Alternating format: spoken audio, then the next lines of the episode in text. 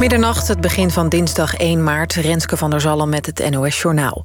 Rusland heeft opnieuw luchtaanvallen uitgevoerd in de regio's Kiev en Kharkov. In de stad Kharkov zijn bij raketaanvallen tientallen doden gevallen... onder wie elf burgers en honderden gewonden... zegt een adviseur van het Oekraïense ministerie van Binnenlandse Zaken. Bij de hoofdstad Kiev zou een onbekend aantal mensen gewond zijn geraakt. Vandaag was er voor het eerst vijf uur lang rechtstreeks overleg... tussen Russische en Oekraïense delegaties. Na afloop noemde een Oekraïense adviseur de gesprekken lastig. De Russen zeggen dat er komende dagen verder wordt gepraat. Oliebedrijf Shell trekt zich terug uit Rusland vanwege de inval in Oekraïne. Dat heeft Shell-topman Van Beurden bekendgemaakt. De belangen van Shell in Rusland zijn zo'n 3 miljard dollar waard. Shell werkt samen met staatsbedrijf Gazprom... en is ook betrokken bij de Nord Stream 2-pijpleiding. De ambassadeur van Oekraïne in de VS zegt dat Rusland vandaag een zogenoemde vacuümbom heeft gebruikt. Het land zou daarmee internationale afspraken schenden. Het is niet duidelijk waar Rusland de vacuümbom zou hebben ingezet. Ook deelde de ambassadeur geen bewijs voor haar claim. Waarschijnlijk bedoelt ze een thermobarische bom waar Rusland er een paar van heeft. Bij ontploffing trekt zo'n bom alle zuurstof uit de lucht. Meerdere landen hebben sinds de Tweede Wereldoorlog thermobarische bommen gemaakt. En moederbedrijf Meta van Facebook en Instagram gaat het voor gebruikers moeilijker maken om vanuit de Europese Unie toegang te krijgen tot de Russische staatsmedia en persbureau Sputnik. Het bedrijf heeft dit besloten vanwege toenemende druk vanuit de EU om meer te doen tegen desinformatie over de oorlog in Oekraïne.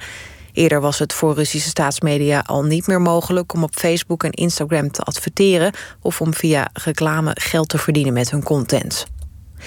Het weer. Vannacht is het bewolkt. De temperatuur daalt naar 1 graad boven nul.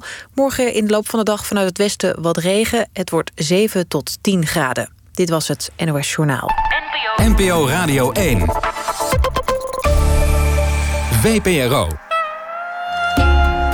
Nooit meer slapen.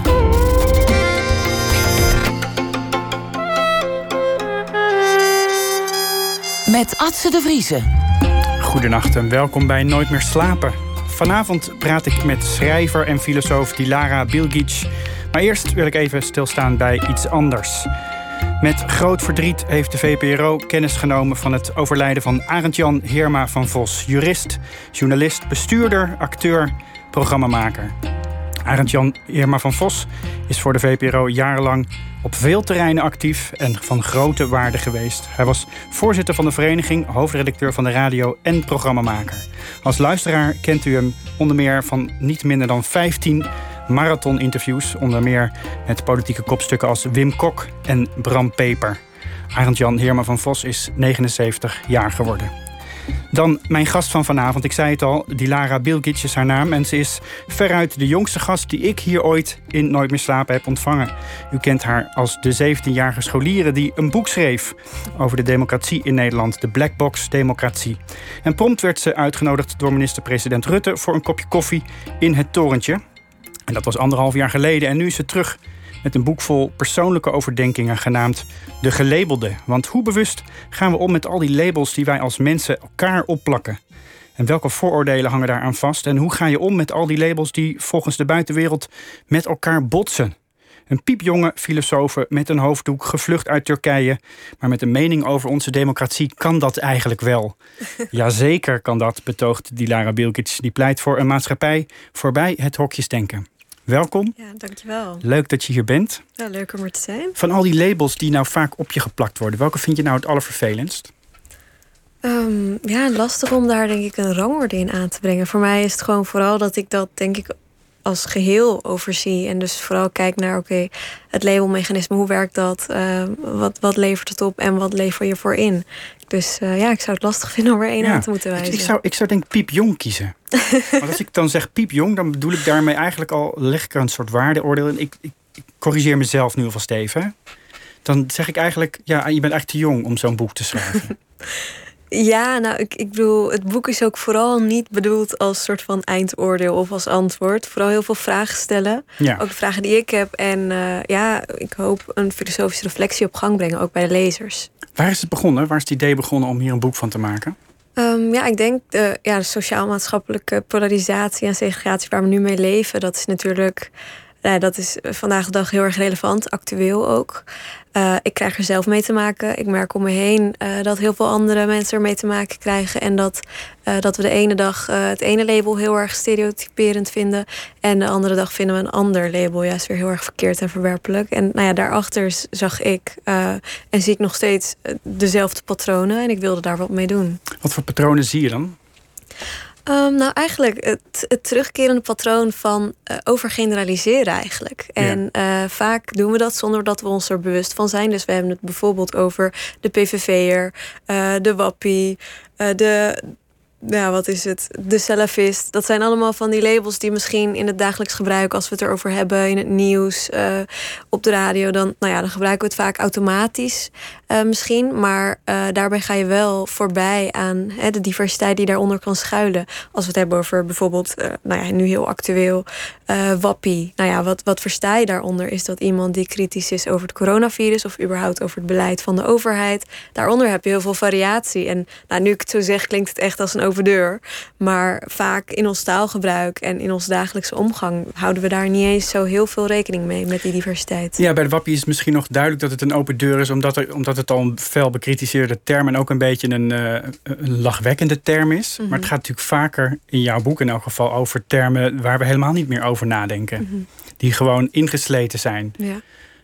Uh, een Turk in Nederland. ja. Dat is alvast een ingewikkelde om mee te beginnen. Want mm -hmm. wat, is, wat, wat is de Turkse gemeenschap? Ja, precies. En jij kreeg daar ook volgens mij veel mee te maken toen jij zelf je boek uitbracht. Dat je heel veel labels naar je hoofd gesmeten kreeg. ja. Ja, nee, dat ik inderdaad... Um, dat, dat de gelabelde een heel erg cynische naam is voor iemand zoals ik. En nou ja, daar, daar moet ik dan van alles van maken en invullen. Um, maar ja, ik vind dat dan weer een heel mooi teken dat het juist belangrijk is dat ik zulke thema's aankaart en dat we ermee aan de slag gaan. Want het is ook voorbij uh, mijn persoonlijke ervaring. Het boek beschrijft natuurlijk wel vanuit mijn verhaal. Uh, datgene wat ik wil aankaarten. Maar dat is vooral, ik zie het vooral als dat, dat mijn boodschap is verpakt in mijn verhaal. En dat dus mijn verhaal misschien wel het minst relevante is aan dat wat ik over wil brengen. Jouw verhaal is het minst relevante aan wat je over wil brengen. Ja. Het is een heel persoonlijk boek geworden. Je vertelt heel veel dingen over wel, ja, je, je eigen opgroeien, je eigen achtergrond. Mm -hmm. Ja, zijn het, natuurlijk de labels die je het beste kent. Mm -hmm. Ja, het, het, is meer ook, denk ik, een praktische keuze geweest. In die zin dat het begon als een filosofische reflectie. Uh, maar ik merkte ook met de ervaring die ik had van het eerste boek. Uh, dat nou ja, op 19-jarige leeftijd een boek publiceren met vooral heel erg algemene soort van waarheden. Dat klinkt al gauw heel cliché en groot. En op het moment dat je het heel erg groot houdt en je gaat putten uit wetenschappelijk onderzoek of je gaat het hebben over filosofen, uh, dan kan het al gauw heel erg vaag worden. Dus ik maar dacht, hoe nou deed ja, je dat met je eerste boek dan? Want dat was een reflectie op de democratie. Ja, precies. Ja, dat was echt een uh, filosofische, politiek-filosofische analyse van het huidige politiek systeem in Nederland. En nou ja, dat klinkt al heel erg groot en dat was het ook. En ik merkte dat, um, nou ja, ook bij de feedback die ik dan kreeg van mensen, dat vooral de mensen die dus filosofisch uh, aangelegd zijn of ervan houden om te filosoferen, die, vond, die kon het wel waarderen. Maar ik kreeg ook van heel veel mensen als feedback van ik vond het gewoon te vaag. En ik miste gewoon. Ja, ik Niet miste dat. genoeg. Nee, precies. Ik miste dat dagelijkse element. Dat what's in it for me. Um, element dat miste een beetje. En ik dacht, nou, bij het tweede boek, in plaats van het weer filosofisch en abstract houden, uh, kan ik het ook in een literaire non-fictie verhaal gieten. En nou ja, in dat geval is het meest dichtstbijzijnde verhaal, waarvan ik kan zeggen, dit is waar gebeurt, is mijn verhaal. Dat, dat, toch even dat, dat eerste boek. Dat, is mm -hmm. natuurlijk, dat kwam in het nieuws omdat het uh, bij Mark Rutte op zijn bureau belandde. Mm -hmm. Stond je daarvan te kijken? ja, ik vond het wel een bijzondere ervaring natuurlijk. Het is niet iets wat je dagelijks meemaakt... dat uh, de minister-president je boek leest en je dan uh, uitnodigt. Dus ja, ik vond het zeker wel een uh, ja, bijzondere ervaring. Hoe ging dat? Um, ja, ik, ik weet eigenlijk ex niet exact hoe het boek terecht is gekomen bij de minister-president. Je hebt het ik, hem niet gevraagd? Uh, ja, hij, via, via, via een vriend uh, zei hij um, bij de PvdA. Maar ja, dat, dat is dan ook het enige wat ik weet. Dat het ja. via via is getipt. En dat hij vervolgens is begonnen te lezen. En op een gegeven moment ja, moet hebben gedacht... laat ik die Lara eens uitnodigen. Hoe ging dat, die ontmoeting? Um, ja, we hebben een half uur lang uit mijn. Ja, een half uur lang hebben we gesproken. En uh, nou ja, afhankelijk ging het natuurlijk over het eerste boek. Maar ja, omdat hij het eerste boek ook had gelezen, hoefden we daar eigenlijk niet heel veel woorden meer aan vuil te maken. We, hebben het veel meer gehad over uh, ja, de maatschappelijke polarisatie en de thema's van het tweede boek waar ik toen al mee bezig was. Ehm, daar begon hij zelf over? Of dat, daar begon jij over? Hoe... Ja, nee, hij, hij was inderdaad echt heel erg nieuwsgierig naar gewoon mij als persoon en wat mij dreef. En nou, of ik nog verdere plannen had natuurlijk als uh, voor, voor in de toekomst een nieuw boek. En toen kwamen we natuurlijk van nature op uh, boek 2 als thema. Uh, de gelabelde, alhoewel het toen nog niet de gelabelde heette. Je was daar toen al mee bezig? Ja, precies. Ik was toen al bezig met het concept. En toen was het nog echt een uh, filosofische reflectie. Dus we hebben het veel meer op abstract niveau gehad over uh, de sociaal-maatschappelijke segregatie, hoe dat werkt, het labelen bij de mens. En nou, ook vanuit zijn ervaringen en mijn ervaringen hebben we dat wel, nou ja, hebben we dat vooral behandeld. Wat is je meest bijgebleven? Um, ja, ik denk het verhaal wat hij toen vertelde over uh, dat, dat hij uh, op de fiets naar de Hoogvliet was gegaan om boodschappen te doen. En dat op een gegeven moment uh, hij op straat werd aangesproken. Eigenlijk een haatreactie toegegooid kreeg. En dat hij toen niet heeft gedacht van, nou weet je wat, haatreactie, ik negeer het. Maar dat hij toen op de persoon is afgestapt en het gesprek is aangegaan. Um, en dat daaruit toen bleek uit dat gesprek van het gaat helemaal niet om uh, Mark Rutte aan zich als persoon. Maar het was eerder een soort van opgekropte frustratie van de coronacrisis. Mm -hmm. uh, waarbij de minister-president dan de verwezenlijking vormt. Ja, precies. Als uitlaatklep. Um, en nou ja, hij, hij deelde dat als inzicht dat hij het gewoon heel waardevol vindt om af en toe ook uh, mensen aan te spreken en te proberen te begrijpen wat er achter zit. Voorbij het label of voorbij de haat. Ik, ik, ik vind het grappig dat je meteen een van de belangrijke kwalificaties van Rutte noemt die vaak aan hem kleeft. Namelijk dat hij op de fiets was. Dan, toen dacht ik, ja, dat is eigenlijk ook een soort label. Ja. Dat, hij, dat hij graag zichzelf opplakt. Ik zag hem vorige week bij uh, Jinek. Daar was, hij, daar was een veel besproken item waar Mhm. hij ja. uh, zat te kakelen met een paar uh, cabaretiers. En daar zat hij onder andere te vertellen dat hij in een oude saap rijdt. En dat hij die kapot had gereden. En dat hij, ja, dat hij een heuveltje iets stevig had genomen. En ja, iedereen vroeg aan hem waarom rij je dan niet in een grote, dure, nieuwe auto? Nee, nee, nee, die saap, dat was belangrijk voor hem. Toen dacht ik, hij doet dat toch elke keer weer? Mm -hmm. Dat is ook een label eigenlijk, ja. toch? Nee, zeker. Ja, het is ook in ons dagelijks uh, taalgebruik. Labelen, en, labelen we en worden we gelabeld. Dus het is ook zeker niet in mijn boek de bedoeling... Uh, of, of mijn boodschap om labels helemaal uit te bannen. Want dat, dat is gewoon een heel onhaalbare boodschap. We, hebben het nodig, taalkundig gezien en psychologisch gezien. Dat labelen, dat, dat kun je, je kunt niet zeggen we stoppen ermee. Omdat het gewoon alleen al inderdaad uh, op de fiets zijn... of het, een beker, dat is ook meteen een label. Dat is ook een categorie waar je iets in plaatst. Dus het is ook zeker efficiënt. Het helpt ons gewoon als mens zijn, psychologisch gezien. Um, maar waar, waar het vooral mij om gaat, is het, het moment dat het een overgeneralisatie wordt en we ons daar niet bewust van zijn. En op het moment dat we daar niet bewust uh, tegenin gaan of echt uh, bewust over gaan reflecteren, dat is het moment dat het gevaarlijk of misschien uh, schadelijk kan zijn. Ik wil nog even terug naar dat, uh, naar dat gesprek hoor. Want ik ben, benieuwd, ben zo benieuwd of je de indruk hebt wat, wat Rutte nou eigenlijk uit jouw boek heeft meegenomen. Want het is een, een, een kijk op een transparanter democratisch systeem. Waarbij minder, uh, meer op de inhoud wordt gestuurd mm -hmm. dan op de poppetjes. Hè? In plaats van dat er iemand weggestuurd wordt en dat daarmee de kous Mhm. af is. Uh, moet er eigenlijk op de inhoud echt Ja. gereageerd Mhm. worden. Heb je de indruk dat die boodschap aangekomen is en dat dat zich ook vertaalt naar een, laten we zeggen, nieuw elan? Um, nou ja, het eerste boek, dat was, dat was natuurlijk dat is allemaal gebeurd voordat uh, het, alle hectiek rondom uh, het nieuwe kabinet Ja. ontstond natuurlijk. Dus um, ja, maar ik, ik denk wel. Je bent er vast op gaan letten. Je zult vast Ja. hebben gekeken van, komt die blackbox democratie van mij, komt die nou eigenlijk terug in wat ik zie? Nou, ik, ik, ik, ben, ik denk sowieso niet dat dat zo snel zou gaan. Dus ik had ook die verwachting niet. Het was uh, vooral nou ja, frustrerend om dan op tv te zien hoe alsnog een heel debat dan uh, twee uur wordt gewijd aan de al dan niet actieve herinneringen van een politicus, bijvoorbeeld. Dat is, dat is je grootste frustratie, lijkt me. Ja, nee, dat is, dat is denk ik voor mij, maar gewoon voor heel veel burgers uh, gewoon heel frustrerend om te zien dat de politiek en dat politici dus profileren om het profileren. Gewoon omdat het systeem zo is gebouwd. Dat al die schakels aan ketenen ervoor zorgen dat politici uiteindelijk toch wel weer bezig zijn met hun populariteit, met de partij. Ze En- moeten zich afdekken, er komen weer Precies. verkiezingen aan. Ja, nou ja, en ook al zijn er geen verkiezingen, dan nog gaat het inderdaad toch wel telkens weer om populariteit. En dan is er toch wel weer een reden om te profileren, om het profileren zelf. En niet zozeer hè, om praktische redenen of om redenen die misschien uh, nou ja, goed goed, zijn voor onze democratie. Dus dat is denk ik vooral de boodschap ook waar, waar Mark Rutte toen, uh, waar de minister-president toen van zei: van dat neem ik mee. Dat element, uh, de bredere analyse voorbij, dus het snelle waan van de, waan van de dag. Dat is denk ik vooral waar we op hebben gefocust in het gesprek ook.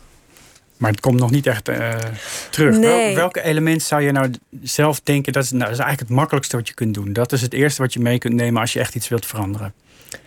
Ja, ik, ik denk dat, dat het voor één persoon of één politicus het meenemen gaat lastig. Ik denk dat daar echt wel een. Um, dat we echt iets moeten doen aan aan de totaliteit aan uh, schakels binnen het systeem. En dat we dus echt wel uh, willen we dat element van het profileren verminderen. En dat, uh, dat politiek ietsje meer echt op de inhoud gaat zijn in plaats van een partijtje touw trekken. Dan denk ik dat we echt wel meer moeten doen dan alleen maar één politicus erop aanspreken. Want het is een patroon wat je niet alleen bij één politicus ziet. Dus dan is het ook. Het is makkelijk om dan elke keer een politicus als zondebok aan te wijzen en te zeggen van ja, je bent weer bezig met het spel. Uh, maar ja, het feit dat dat speel aanwezig is, is komt door dus de totaliteit. En ik denk dat het daar dus uh, begint. Ik zei net aan het begin al piepjong. dat is een, uh, een, een, een, een, wonderlijke eigenschap die jij hebt. Of eigenschap, je bent, je bent heel jong. Vaak duurt het best lang om systemen te doorgronden. Dat kost gewoon mm -hmm. ervaring. Ja. Die heb jij natuurlijk eigenlijk helemaal nee. niet. Ja. Hoe komt het dat je toch in staat bent om op een bepaalde manier te denken. Wanneer kom je erachter dat je dat hebt? Nou ja, systeem doorgrond, dat, dat is nog zeker niet zo. Ik weet nog uh, heel nou, weinig. Kennelijk genoeg om de minister-president te inter interesseren met je boek. Ja, ja, ja kennelijk is, heeft iets uh, de minister-president geprikkeld. Maar ik weet niet of dat zozeer mijn grondige analyse was. Want, want er zijn heel veel uh, uh, ja, mensen die echt jaren onderzoek hebben gedaan naar de democratie. En dan uiteindelijk nog concluderen dat ze heel weinig erover weten. Dus ja, ik heb. Eigenlijk ga je het? steeds minder begrijpen. Ja, ja, precies. Maar ik weet ook heel weinig. Alleen weet ik minder van dat wat ik niet weet, omdat ik gewoon minder onderzoek heb gedaan. Dat is eigenlijk de paradox van uh, jarenlang research doen. Dan weet je veel meer wat je niet weet. Um, en dat heb ik misschien minder. Alleen is, is het meer, dat is ook de reden dat ik me vooral heb beperkt tot politiek filosofie. Dus dat het uh, wat meer gewoon uh, overwegingen waren, analyses waren en niet zozeer harde conclusies. Die, ja, die laat ik vooral over aan de mensen die daar echt jarenlang onderzoek naar hebben gedaan. Waar is die interesse in filosofie bij jou begonnen? Op de middelbare school, denk ik. ja, met, met, met het vak filosofie, daar begon het denk ik mee. En gaandeweg ja, ga je zelf lezen, kom je filosofen tegen, ga je erover reflecteren. En het is natuurlijk ook wel iets wat, wat gewoon in mijn dagelijks leven. Ik merk wel dat ik de filosofische methodiek van dingen vanuit verschillende perspectieven bekijken. Dat, dat vind ik heel erg waardevol. Dus ik denk dat het ook ja, een stukje karakter is misschien. Mijn ervaring is als je op de middelbare school aan filosofie begint, dan begin je ergens bij Plato, ja. Socrates. Mm -hmm. En dan ga je de tijd mee. Want die filosofen die, die, die, die vernieuwen natuurlijk ook steeds. Dus Mhm. ja, je, je, je beweegt op een logische manier naar het heden toe. Mm -hmm. In welke tijd bleef jij het langst hangen? Ja, dat is ook wel weer iets waarvan ik dan. Ik kan geen keuze maken tussen al die filosofen. Het is wat, wat het voor mij heel waardevol maakt, is dat ik juist dan spring in mijn gedachten van Plato naar Foucault, naar Nietzsche. En dan uiteindelijk van elke filosoof wel iets meenemen waarvan je denkt: oh ja, waardevol inzicht of het brengt mij op andere gedachten. Dus nee, ik zou zeker geen filosoof of tijdperk kunnen kiezen. Er zit heel veel tweestrijd in je boek. Mm -hmm. In je, op allerlei niveaus. Op persoonlijk niveau, maar ook op uh, bijvoorbeeld het niveau van de wetenschap. Het, het, het vergaren van kennis versus uh, religie en geloof. Hoe verhouden zich die tot elkaar? Mm -hmm. Is dat iets wat heel erg bij jou past? Dat je voortdurend clashes hebt tussen elementen die met elkaar lijken te botsen?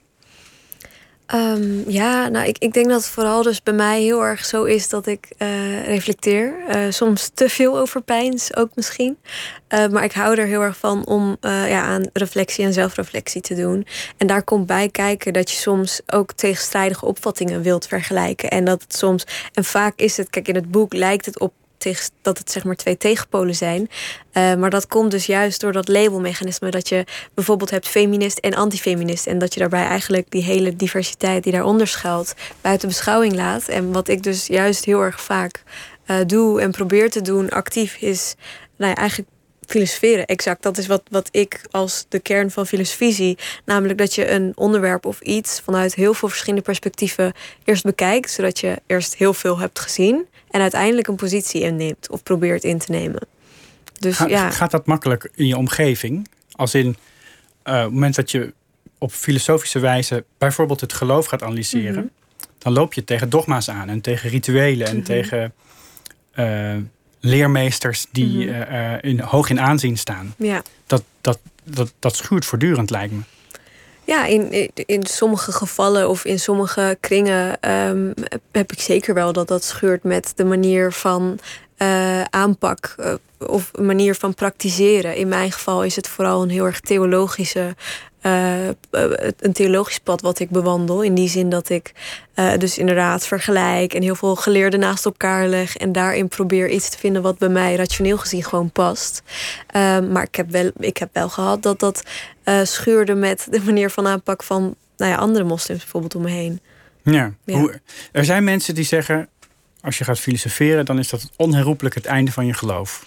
Ja, er, zijn inderdaad. Kijk, het is natuurlijk niet zo dat alle moslims om me heen dat zeggen. Want ik heb ook uh, vriendinnen die op dezelfde manier naar het geloof kijken als ik. Uh, sowieso is het in theologische kringen en wat meer de academische kringen... is het heel normaal om geleerden naast elkaar te leggen. Ook geleerden die er heel erg tegenstrijdige opvattingen op... Uh, of tegengestelde opvattingen op nahouden. Um, maar ja, ik heb ook wel gehad dat sommige vriendinnen zeiden van... ja, dat filosoferen dat moet je echt niet vaak doen of niet te veel doen. Want ja, het, uh, waar, waar loop je dan concreet tegenaan? Um, als in bij, bij het filosoferen? Of? Nou ja, nee, bij dat soort interacties met andere mensen die ook gelovig zijn, die in je omgeving voorkomen. Wat, wat betekent het geloof bijvoorbeeld voor jou? Mhm. Wat blijft er ehm. over na al het denken? nou, voor mij is het eigenlijk een moreel kompas, zou je kunnen zeggen. Dus het, is, het geloof is voor mij, ik bekijk het ook uh, op een holistische manier. Uh, in die zin dat ik bij heel veel geboden, verboden, vooral probeer te kijken naar: oké, wat is de kern? Wat is de essentie erachter? Waarom is uh, nou ja, verbod X verschenen? Wat was het doel ervan? En als ik dat bekijk binnen de context van bijvoorbeeld de profeet, van de, uh, de profeet Mohammed, wat is dan de kern? Wat was de essentie toen? En dat probeer ik dan over te nemen in mijn eigen leven. Dus in maar die, die kern moet dan een bepaalde vorm van logica bevatten?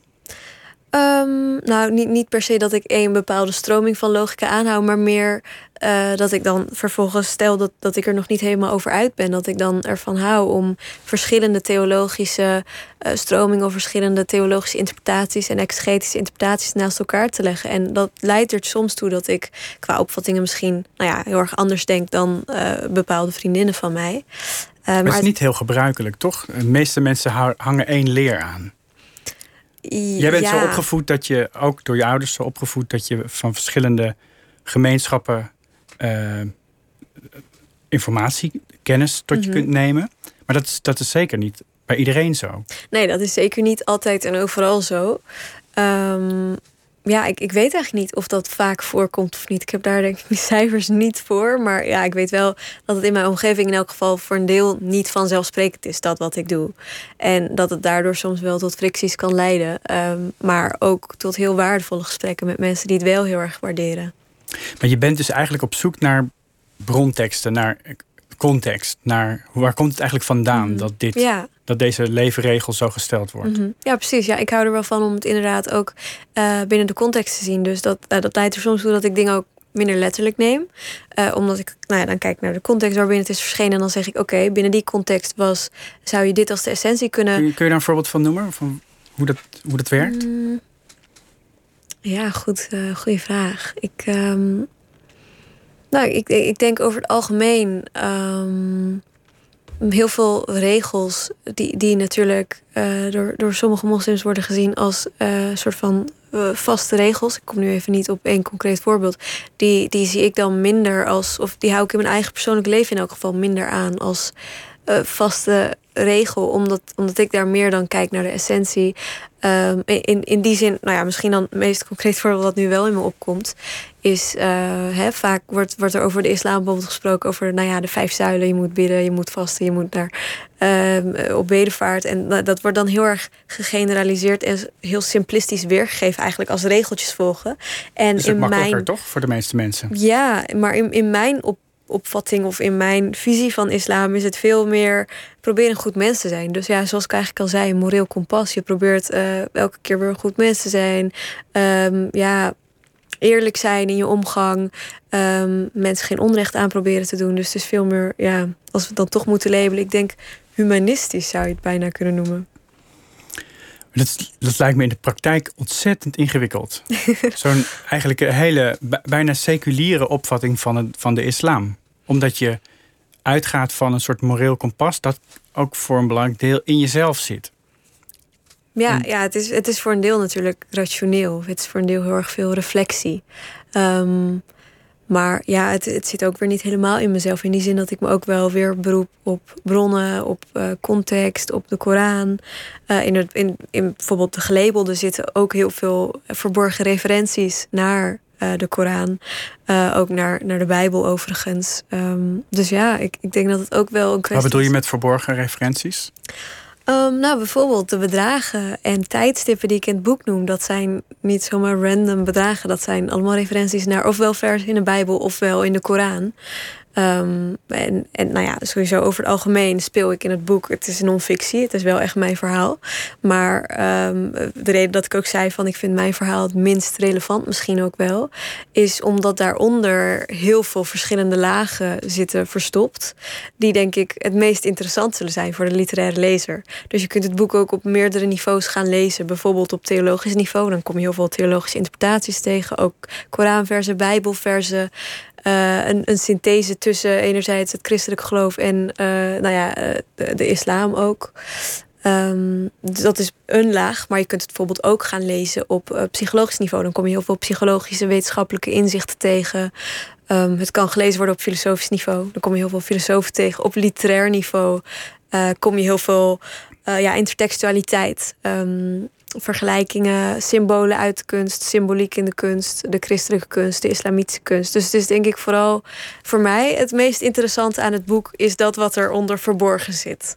Dat snap ik. En dat, dat vind ik ook interessant eraan. Mm En tegelijkertijd is het ook heel interessant dat je met name door de mensen om je heen mhm. steeds ook weer met je voeten op aarde wordt gezet. dat je moeder tegen je zegt: ja, je neemt nu de positie in van een geleerde, mhm. maar dat ben je niet. Daar moet je mee uitkijken bijvoorbeeld. Mhm. Eh, en een ander voorbeeld is dat je, dat je dat inderdaad doet. Dat je zegt, dit kledingvoorschrift. Mhm. Vrouwen moeten in het zwart gekleed zijn, meen ik, geloof ik. Mhm. Dat jij zegt, waar staat dat dan? In welke, welke Koranverse staat dat dan? Ja, dat, is dan, dat levert dan wrijving op. Die, die praktische kant, die is het spannendste in het boek. Ja, nou ja, voor, voor, ligt eraan voor welke lezer. Voor mij. Oké. ja, nee, dat, dat kan ik me heel goed voorstellen natuurlijk. En um, nou, dat is dan misschien ook meteen een voorbeeld dat inderdaad het zwart gekleed. Um, ik heb vriendinnen die in zwart gekleed gaan en dat respecteer ik volledig. Mm um, maar waar, en dat is dan uh, de anekdote in het boek wat ik daar dan als voorbeeld geef. Waar ik op dat moment uh, binnen die context moeite mee had, was dat het werd gepresenteerd als absoluut gebod. En uh, dat dat in, tijdens zo'n les werd gepresenteerd als hè, dat moet absoluut zo en niet anders. En dat is waar, waar ik dan, waar zeg maar de innerlijke filosoof als het ware naar boven kwam. En waarbij ik eigenlijk wilde wilde weten van oké, wat zijn de bronnen? Waar beroept u zich op? Ja, en daar blijkt volgens jou uit dat het niet zo hard eh, als regel is als dat deze persoon jou wilde doen geloven? Ja, in, mijn persoonlijke opvatting niet. Kijk, het is niet zo dat ik dat nu uh, op ga leggen aan anderen die daar wel heilig van overtuigd zijn. Dat is uh, prima, dat is hun overtuiging. Maar als ik kijk naar bijvoorbeeld de Koran, dan zie ik daar niet zo'n hele harde lezing in dat het overal en altijd en in elke samenleving zwart, uh, lang en helemaal bedekt moet zijn. Ik denk dat dat heel erg verschilt. Betekent dat voor jou in de praktijk dat meer kennis jou meer vrijheid geeft? Ja, het ligt er ook weer aan hoe je vrijheid definieert, denk ik. Want uh, meer kennis betekent ook meer reflectie. En dat betekent denk ik ook wel weer dat je. Nou ja, je kunt, je kunt jezelf ook een soort van beknellen in je eigen gedachten, natuurlijk. Eh, omdat hè, filosoferen en reflectie, dat is ook wel weer iets wat, wat je ook kunt bestempelen als onvrijheid. Dus ik denk, en dan, nou ja, dan komen we nu op een heel filosofisch punt, denk ik. Maar ik, ik denk dat dat uh, nou ja, eraan ligt wat je onder vrijheid verstaat. Ja, nou, de, een heel groot deel van je boek besteed je aan het, aan het denken over de hoofddoek die je mhm. wel draagt. Uh, en daar, dat is natuurlijk een symbool van de inzet van discussies over vrijheid. Hè? Mhm. Is het nou vrijheid om een hoofd, hoofddoek te mogen dragen? Dat is eigenlijk wat jij betoogt. Is het een be- belemmering van de vrijheid van vrouwen? Mhm. Ik heb het gevoel dat je daar eigenlijk niet echt uitkomt met filosofisch denken. Je komt er met de, met de praktijk en met de teksten Mhm. eigenlijk niet helemaal uit. Nou ja, het is, het is meer in het boek. ehm, is het ook bewust zo dat ik geen antwoord heb gegeven, omdat ik dat antwoord. Ik wilde vooral vragen stellen. En dan is het aan de lezer om de eigen antwoorden te vinden en om een eigen moreel kompas of om een eigen richting daarin te kiezen. En eh, de reden dat ik vooral vragen wilde stellen is omdat het. Ik heb theologische onderbouwingen. Ik heb bepaalde opvattingen vanuit de theologische exegetische interpretaties die ik heb. Maar ik ben ook ingebed in een samenleving, in een maatschappij waarbinnen eh, ja, nu dus inderdaad de polarisatie gaande is, waarbinnen een soort spanningsveld ontstaat doordat er verschillende groepen zijn met verschillende opvattingen over die hoofddoek. Ehm, waardoor, en dan heb ik mezelf als voorbeeld gegeven, maar waardoor heel veel moslima's bekneld kunnen raken tussen, als het ware, ja, die tegenstellingen en die tegenstrijdige opvattingen van heel veel groeperingen over de moslima en over haar keuze. En dat leidt ertoe dat heel veel moslims die er zelf vrij voor kiezen om hem te dragen, bijvoorbeeld. ehm, bijvoorbeeld, ja, dat, zij het opgelegd krijgen dat het onvrijheid is. Maar dat ook heel veel moslima's die hem niet meer willen dragen, juist het tegenovergestelde te horen krijgen. Maar hoe sta je er nou al het denken zelf in? Wat is, wat is jouw opvatting over die hoofddoek? Nou, ik, ik denk dat, ehm, ja, dat iedereen die hem wil dragen, hem zou moeten dragen, eh, eh, zou mogen dragen. En dat iedereen die hem niet wil dragen, hem ook zeg maar af zou mogen doen of überhaupt nooit zou hoeven te dragen. Dus ik ben daarin heel erg ja, individualistisch. In die zin dat ik gewoon vind dat iedereen dat de vrije keuze van iedereen zou moeten worden gerespe- gerespecteerd. En ehm, ja, ik, ik, ik schets dat natuurlijk vanuit een heel breed perspectief. In die zin dat ik eh, als het ware een, een spanningsveld laat zien tussen drie verschillende soorten groepen. Even heel simplistisch gesteld, drie verschillende soort van uiteinden. Waarbij je aan de ene kant dus het perspectief hebt van oké, ehm, als moslim, als je je hoofddoek afdoet, dan ben je bevrijd. eh, dan ben je modern. En dan Ja. heb je bevrijd uit het milieu van je bestik, eh, verstikkende omgeving. Dan heb je een, anderzijds het perspectief van mensen die juist, hè, als je een hoofddoek draagt, ben je heel erg vroom. En als je hem afdoet, dan ben je een afvallige. Ja. En dan heb je ook nog als derde groep een groep die er heel veel waarde aan hecht. En dat is dan bijvoorbeeld de, de generatie van mijn ouders. Heel veel Turkse Nederlanders die hechten heel veel waarde aan die hoofddoek. Omdat zij een geschiedenis hebben in Turkije waarin de hoofddoek verboden werd. Ehm, de postmoderne coup op 28 februari 1997. Dus Ja. dat is, nou ja, gisteren was dat exact 25 jaar geleden. En dat is ja, 25 jaar geleden, maar nog steeds merk je daarvan in het maatschappelijke debat de sporen ervan. En dat heel veel mensen daar dus heel veel waarde aan hechten op die manier, zorgt ervoor dat je dus, nou ja, als het ware een soort Bermuda-driehoek hebt waarbinnen de moslima. Eh, als het ware opgezogen raakt en haar eigen keuze niet helemaal vrij kan maken. Maar dat laatste wat je zegt, die, die generatie die dat Mhm. meegemaakt heeft, die koep, daar zijn je ouders heel duidelijk een voorbeeld van. Mhm. Zijn ook in feite om die reden eh, het land ontvlucht. Mhm. Met jou eh, even later, eerst je vader, jij later met je moeder erachteraan. Jouw moeder wilde studeren met hoofddoek, dat mocht niet in Ja. Turkije. Dat, dus wat dat betreft is die hoofddoek voor haar een teken van uiting van haar geloof met een zeer zware lading. Mhm. Dat is voor jou wel een doorslaggevende factor als je midden in die Bermuda-driehoek zit. Ja, nee, zeker. Je kunt eigenlijk bijna niet anders meer. Laat, laat ik zo zeggen, ik zei net, je komt er niet uit. Je komt er in Mhm. feite niet uit omdat je voor mijn gevoel uit, uit elk argument wel iets herkent of wel iets voor voelt. Mhm. Maar je maakt uiteindelijk de keuze op basis van jouw eigen persoonlijke achtergrond. Ja, nee, zeker. In die zin, ik, ik heb natuurlijk, ik, ehm, ik denk dat bij mij de doorslaggevende rol nu is dat ik mijn theologische opvattingen, die zijn min of meer eh, veranderd in de loop van de jaren. En ik heb daar heel lang over nagedacht. En uiteindelijk is mijn persoonlijke opvatting, zou je kunnen zeggen, in die zin veranderd dat, dat ik persoonlijk minder waarde hecht aan de hoofddoek in mijn persoonlijk leven. Ja. Maar omdat ik dus ben ingebed in een bredere samenleving en anderzijds dus ook de geschiedenis van mijn ouders deel, zie ik hoeveel waarde zij daaraan hechten. Enerzijds. En zie ik ook wat bijvoorbeeld bij vriendinnen die de hoofddoek wel af hebben gedaan, gebeurt. Namelijk dat zij eh, bijna tegen hun ouders en hun familie op worden gezet. Omdat ze dan bevrijd zouden zijn. En, uh, door sommige... ook slecht af op de ouders. Ja, en, en daardoor zijn de ouders die normaal gesproken misschien heel erg goed zouden zijn met, met uh, hè, de dochters, uh, die worden eigenlijk als het ware bijna tegen elkaar opgezet. Door dus die Bermuda-driehoek waar ik het over had. En dat is denk ik, voor, voor mij in elk geval, is dat de doorslaggevende reden dat ik nu denk. Uh, en eigenlijk heel lang heb gedacht van weet je wat, ik wacht gewoon even af, even aanvoelen hoe zit het met, met zeg maar de spanningen nu. Gewoon even afwachten totdat uh, misschien de boel een beetje stabiliseert of minder gepolariseerd raakt. Want nu is het klimaat zo ongezond dat ik, maar ook heel veel moslims om mij heen, gewoon zeggen van de keuze is bijna niet te maken. Wat je ook doet, het is fout. Ja, eigenlijk alles is, levert een heftige reactie op. Precies, hoe dan ook. Dus ook om nu op te houden, ja. gebeurt dat? Mm -hmm. Nee, precies. Ja, ook nu Als je dan een boek schrijft inderdaad. over de democratie, dan zeggen mensen: wat heb je daarover te zeggen? Mm -hmm. Het heeft daarmee te maken. Ja, nee, zeker.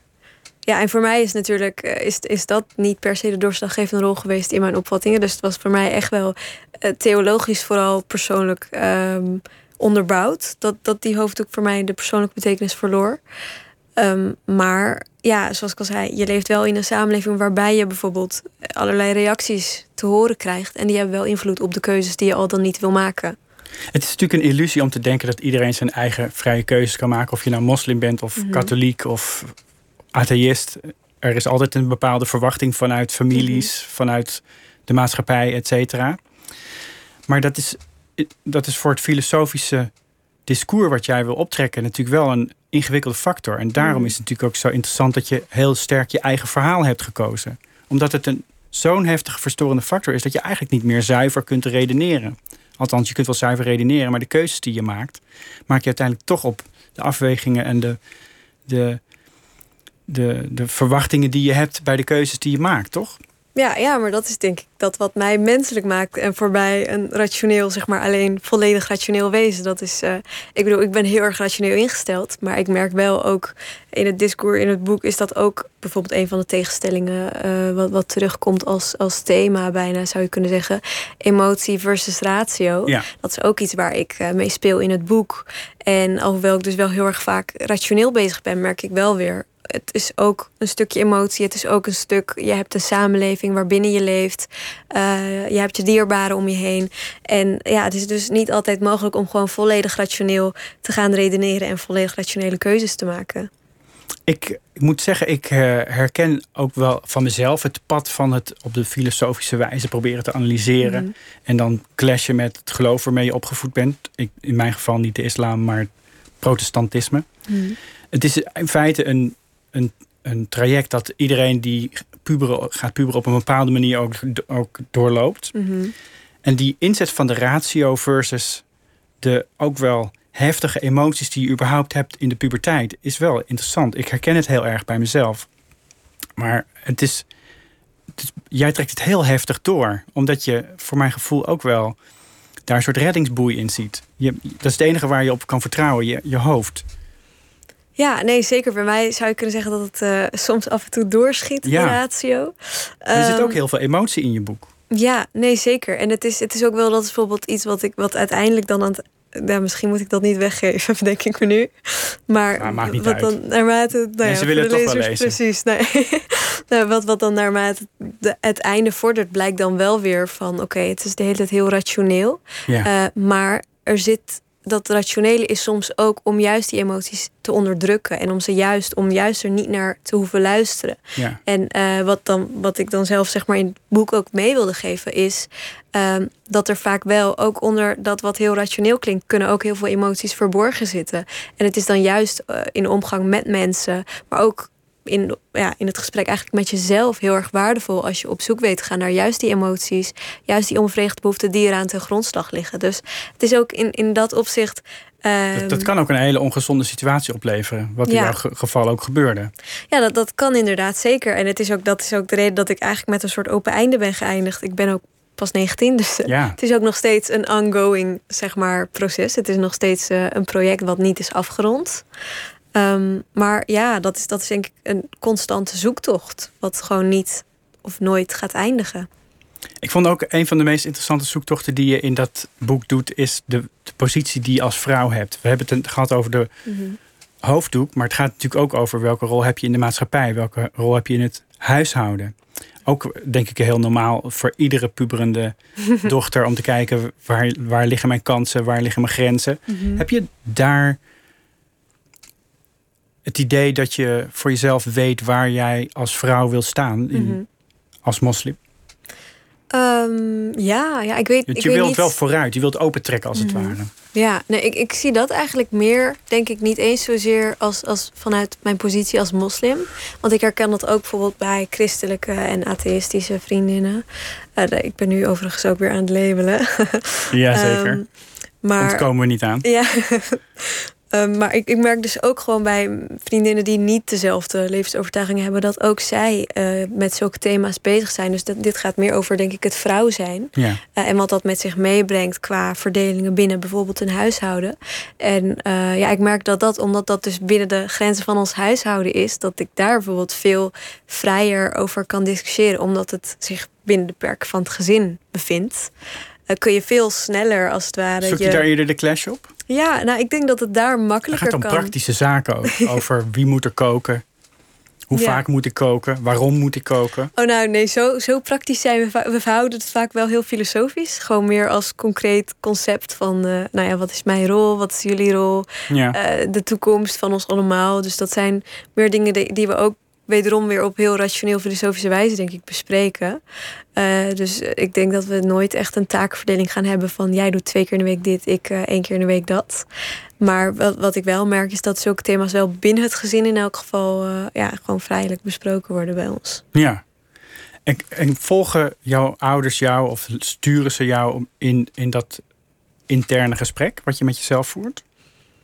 Of is dat iets wat echt van jouzelf is? Ja, nou, ik merkte ook bijvoorbeeld bij dit boek op een gegeven moment, voordat het verschijnt natuurlijk, voordat je het naar de uitgever gaat opsturen, eh, zei ik tegen mijn ouders van, nou ja, dat jullie weten, dit wordt een persoonlijk boek. Het, het, het is geen filosofische eh, reflectie meer, dus ik zou het heel fijn vinden als jullie ook even lezen en zeggen, Wat vonden ze ervan? ja, precies, of, of je iets eruit wil hebben, want ik kan me voorstellen, het is persoonlijk. Nou wil ik natuurlijk vragen wat wilden ze eruit hebben, maar dat ga je dan natuurlijk niet zeggen. Moest er iets uit? Nee, dat is het dus. Dat is, eh, dat is, ik, ik verwachtte namelijk, want het is heel persoonlijk. Eh, en alle andere namen hebben zeg maar eh, pseudoniemen gekregen, alle andere mensen. Maar ja, bij je ouders, ik kan mijn moeder wel een pseudoniem geven. Maar ja, als ik vervolgens mama zeg, dan, dan heeft het geen nut. Ehm, maar wat, wat bijvoorbeeld mijn ouders toen zeiden. We hebben daarna wel echt eh, een, lang, een lang gesprek gehad, ook gewoon inhoudelijk, over heel veel dingen waar zij ook geen weet hadden van. Van heel veel gedachten en reflecties. Maar wat ze wel zeiden was: dit is jouw boek, dit zijn jouw gedachten, dit is als het ware jouw, ja, jouw kind, zou je kunnen zeggen. En wij gaan niet nu zeggen: wil je dit veranderen, wil je dat veranderen? We, we respecteren het gewoon omdat het jouw eh, kunstwerk is, zeiden ze. Ja, je, je, je hebt ook geen aanvallende toon natuurlijk. Dat scheelt misschien.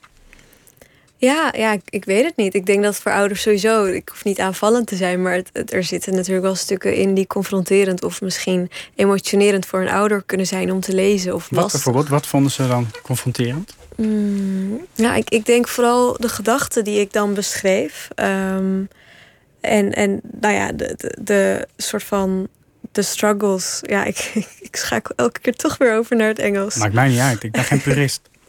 Ehm, maar ja, de, de, de strijd die ik soms had, intern natuurlijk. eh, wat voor invloed eh, sommige dingen hadden op mijn leven. Ehm, dat is voor een ouder natuurlijk. Ik bedoel, nooit leuk om te lezen dat, dat een dochter moeilijkheden heeft, bijvoorbeeld. Maar wat jij omschrijft in je boek is dat je heel vaak de neiging hebt of de strategie kiest om dingen in te slikken. Als iemand je beledigt, Mhm, rustig te blijven. mhm. Nooit vuil te worden. En ik kan me ook voorstellen dat dat tot gevolg heeft dat, dat je onmiskenbaar ook dingen weg hebt geslikt bij je ouders. En ook bij andere mensen over wie je schrijft. Ja, nee, ja, over wie je nu ineens je ware gedachten eh, vertelt.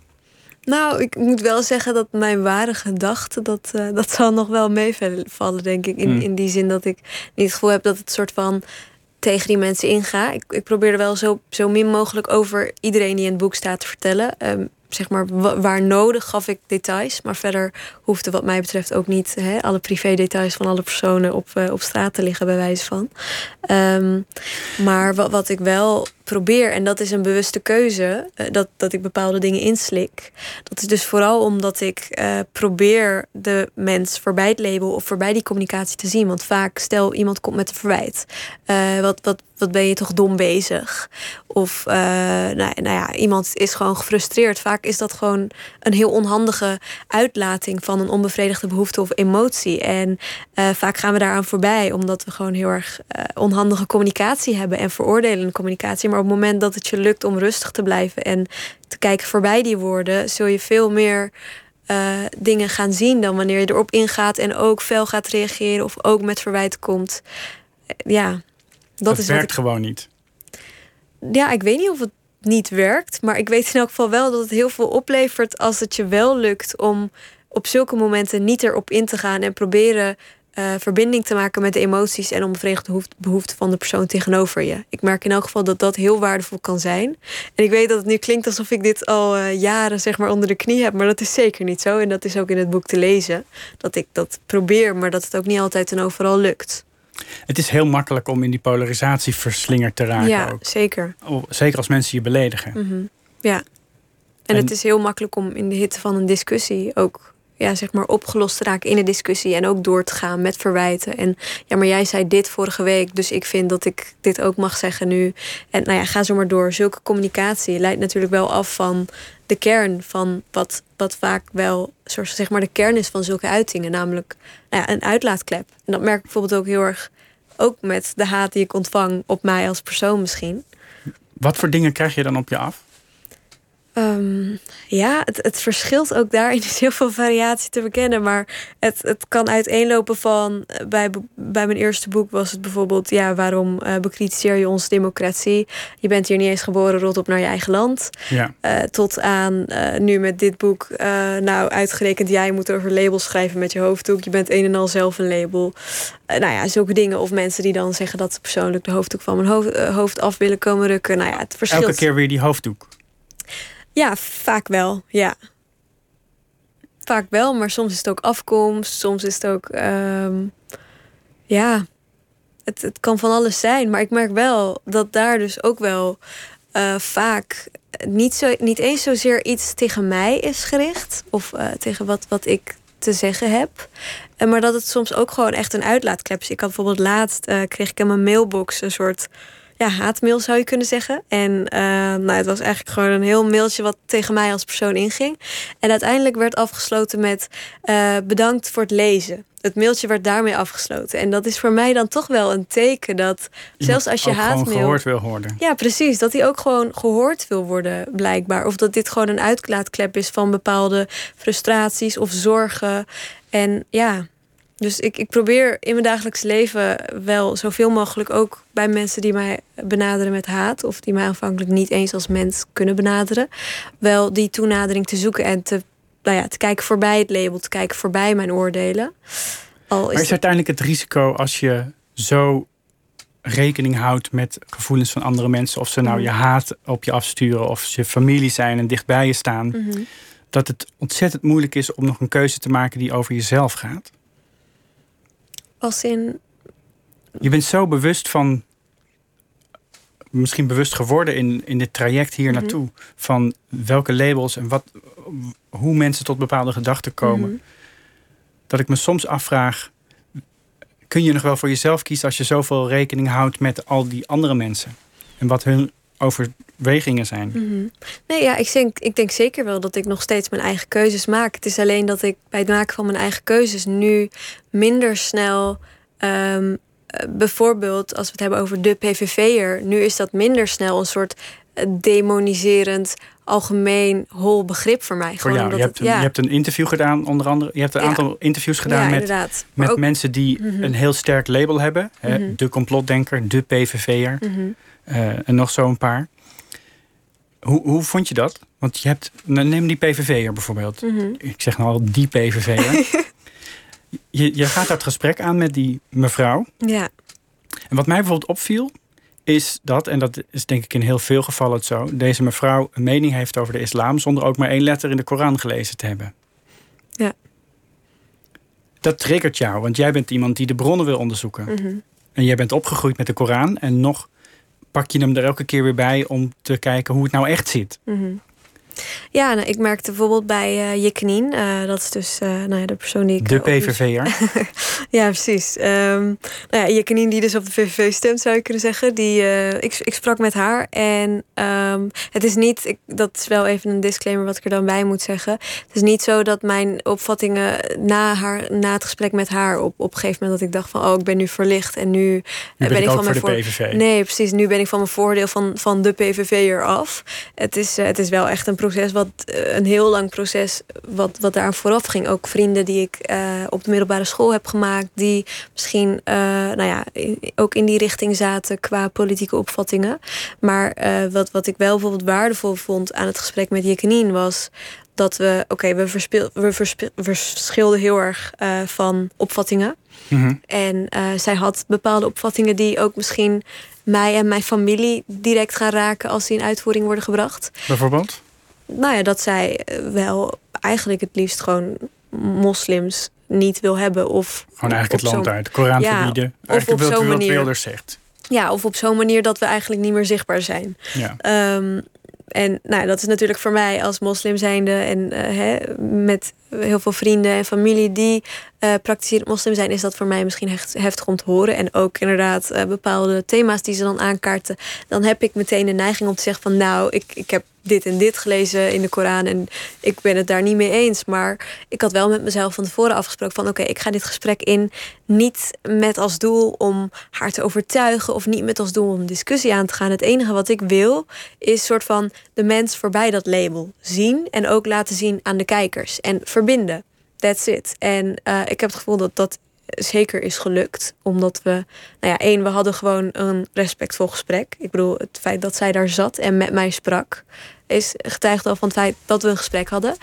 Um, en nou ja, dat is dan niet op beeld te zien. Maar dat was dan wel het meest waardevolle. Dat wat niet op beeld te zien was. Namelijk dat we ook na afloop uh, gewoon op een heel respectvolle manier afronden. Zij vroeg nog naar mij, naar mijn ervaringen.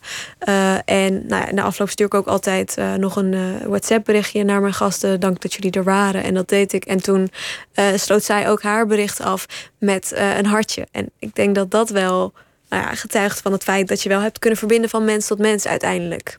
En ja. dat, dat zij ook wel de toenadering zocht, ook gewoon naar mij als mens zijnde. Ik vind dat wel heel waardevol. Ik vind het vrij gedisciplineerd van je dat je elke keer vragen bleef stellen in plaats van te zeggen: ja, maar zo is het niet. ja, maar dat is inderdaad de mindset. Ik stap dat gesprek in met het idee. Socratisch eigenlijk. Ja, nee, ik, ik ging daar echt in met het idee van je soms moet je eerst, en dat is heel moeilijk om te accepteren. Dat is voor mij nog steeds dagelijks loop ik daar tegenaan. Soms moet je uh, bij een gesprek eerst luisteren voordat je kunt spreken. Want je kunt wel gaan spreken, maar dan is de vraag of je gehoord wordt.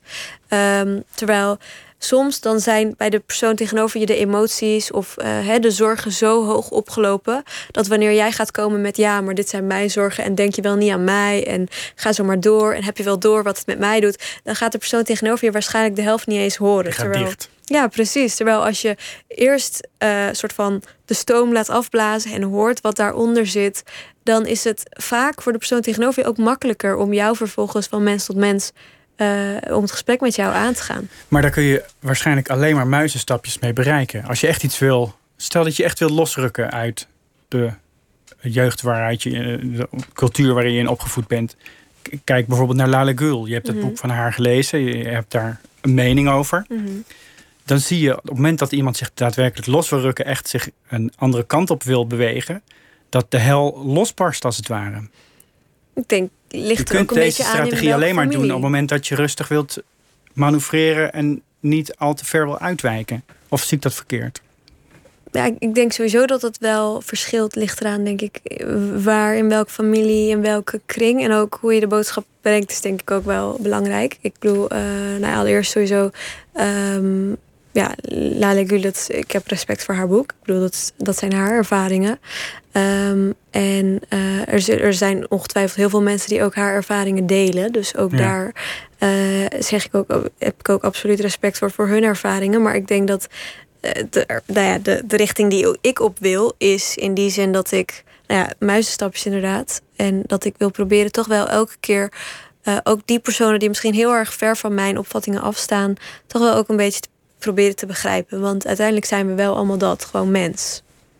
mensen. Ja, Is dat, ik, vind, ik vind dat wel een eh, bijzondere gave, moet ik zeggen. Zeker op het moment dat je altijd over, om je heen ziet dat het eigenlijk nergens zo gaat. Hoe- Hoe doe je dat bijvoorbeeld met social media? ja ik, ik moet wel eerlijk zeggen. Sluit je dat- je daarvoor af? Want daar is het schering en inslag. Daar is Mhm. iedereen heeft een mening en Ja. uitroeptekens. Ja, ik moet wel eerlijk zeggen dat dit, dit- deze soort van eh, methode, wat, wat geïnspireerd is door eh, de methode geweldloze communicatie van Marshall Rosenberg overigens. Ja. Eh, ik moet wel zeggen dat deze methode op social media minder makkelijk toe te passen is. Omdat ik, als ik dit bij iedere persoon die mij een soort van een haatberichtje of een bedreiging stuurt, als ik dat bij iedereen zou doen, dan had ik dat boek niet kunnen schrijven. En dan had ik geen tijd om hier te zitten. Ehm, maar in mijn dagelijkse omgang probeer ik het in elk geval toe te passen. En op sociale media, ja, is. Maar zegt die leer dan dat je eigenlijk op iedereen antwoord zou moeten geven? Eh, nee, zeker niet. Geweldloze communicatie is vooral een methode om eh, in je omgang, in je dagelijkse omgang met mensen, ehm, te kunnen kijken voorbij dus die levensvervelende communicatie. En ehm, te kunnen zien wat er schuil gaat onder bijvoorbeeld heel veel eh, ja, fricties en, en soort van discussies. Vaak zitten daar dus inderdaad onbevredigde emoties en behoeften achter. En dat is waar geweldloze communicatie voor is. Dus dat je probeert dat op te zoeken en op te sporen bij de ander en bij jezelf. Ehm, en nou, dat is echt een methode wat heel veel actieve inspanning vereist. Heel veel actieve reflectie ook. Ehm, Ben je daar bewust mee begonnen? Is er een bepaald startpunt geweest dat je dat ontdekte en dat je dacht: dit ga ik doen? Dit ga ik nu tot de letter uitvoeren? Nou, nee. Ik denk, ik denk eigenlijk vooral dat het al iets was waar ik mee bezig was. En dat ik toen, eh, nou ja, gaandeweg als psychologiestudent ook, eh, maar ook daarbuiten lees je natuurlijk boeken. Dat, dat je dan gaandeweg steeds meer ook concrete methodes tegenkomt. En dat je die gaat implementeren in dat wat je al aan het doen was. Dus dat het als het ware een verrijking vormt voor dat wat je al probeerde. Dus ik ben ook zeker niet, eh, ik kan niet zeggen dat ik een geweldloze communicatiecoach ben. Ik, ik zal ongetwijfeld afwijken van dat wat Marshall Rosenberg eh, betoogt. Maar in elk geval probeer ik wel nou ja, de waardevolle inzichten mee te nemen in mijn leven. Ik probeer het. Weet je wat me nou zo opvalt? Dat is ook een label wat ik je nu op ga plakken. vrouwen zoals jij, intelligente moslimvrouwen, die eh, hoog opgeleid zijn, die, die hebben een buitengewoon correcte en mooie manier van spreken, vind ik. Een soort hypercorrecte manier van spreken, die je door de radio heen kunt horen. Herken je je daarin? Dankjewel. Ja, ik weet niet wat ik, eh, wat ik me daarbij voor moet stellen. Het eerste wat bij mij namelijk wordt opgewekt, en dat is misschien ook met, meteen een label, hypercorrect. Dat is meteen, dan moet je denken aan woke natuurlijk. Dus Ja, eh, ja, ja. ik weet niet of dat, dat de Nee, dat context ik was. Oh, Oké. ja. Maar taalgebruik is Mhm. heel belangrijk ja, nee, zeker. En dat in is, je communicatie. Mhm. En ik denk dat dat bij mij vooral eh, vanuit een filosofische achtergrond is. Dat ik taalgebruik heel erg belangrijk vind, ook psychologisch. Ehm, maar ja, natuurlijk Wittgenstein, eh, taalspellen waar je aan deelneemt, moet je dan aan denken. Ehm, ja, ik denk dat ik vandaar, eh, ook omdat ik in mijn dagelijks leven natuurlijk zie wat de impact is van taal, hoe onschuldig het soms ook lijkt. Vaak denken we taal is gewoon het uit van dat wat je denkt. Maar taal kan soms ook echt actief de werkelijkheid beïnvloeden. Ehm, en ik denk de bewustwording daarvan heeft ervoor gezorgd dat ik actief eh, ook bezig ben met mijn taal. Ja? En ook de psychologische inzichten die ik heb over de invloed van taal en hoe ermee om te gaan. En hoe bijvoorbeeld om te gaan met eh, ja, labels en stereotyperingen. Ik denk dat dat ertoe leidt dat ik eh, toch wel een soort van soms spreek alsof ik me door een mijnveld heen begeef. Heb je dat gevoel? Soms wel inderdaad. Om, omdat je, ja, je doet je best om ehm, zo correct mogelijk over te komen. En ehm, zo min mogelijk aan overgeneralisaties of aan over simplistische taalgebruik te doen. Dus je wil, ja, je wil je boodschap zo correct mogelijk overbrengen. En dat zorgt er soms toe, dat leidt er soms toe dat je, ja, dat je soms meer moet nadenken dan wanneer ik mijn boodschap gewoon in één keer heel plat zou brengen. Ja. Ik bedoel het als compliment. Dankjewel. Niet als, ja, nee, precies. Wokeism eh, en eh, lelijk bedoeld dat, je, dat je zit uit te sloven. Ik vind het mooi. Dankjewel. Dankjewel dat je hier eh, was. Ja, dankjewel dat ik Het, eh, het boek is het eigenlijk al uit. Ja, vorige week, vorige week is het inmiddels. eh, vorige week donderdag. De gelabelde heet het. Dilara Ja. Bielgic. Dankjewel dat je hier was. Dit was Nooit meer slapen voor vanavond. Natuurlijk terug te luisteren als podcast. En morgen zit hier Lotje IJzermans. Die ontvangt schrijver Jeroen Windmeijer. Die heeft een nieuwe thriller uit, die heet De Stenen Goden. Straks na het NOS Nieuws van 1 uur Misha. Vannacht met Misha Blok en Marjolein Moorman. Nog een hele goede nacht.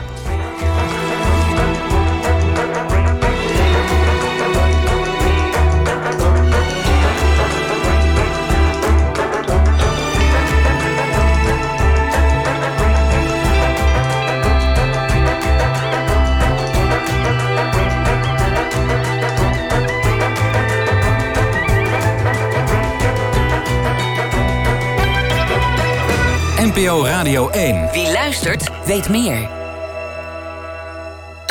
NPO Radio 1.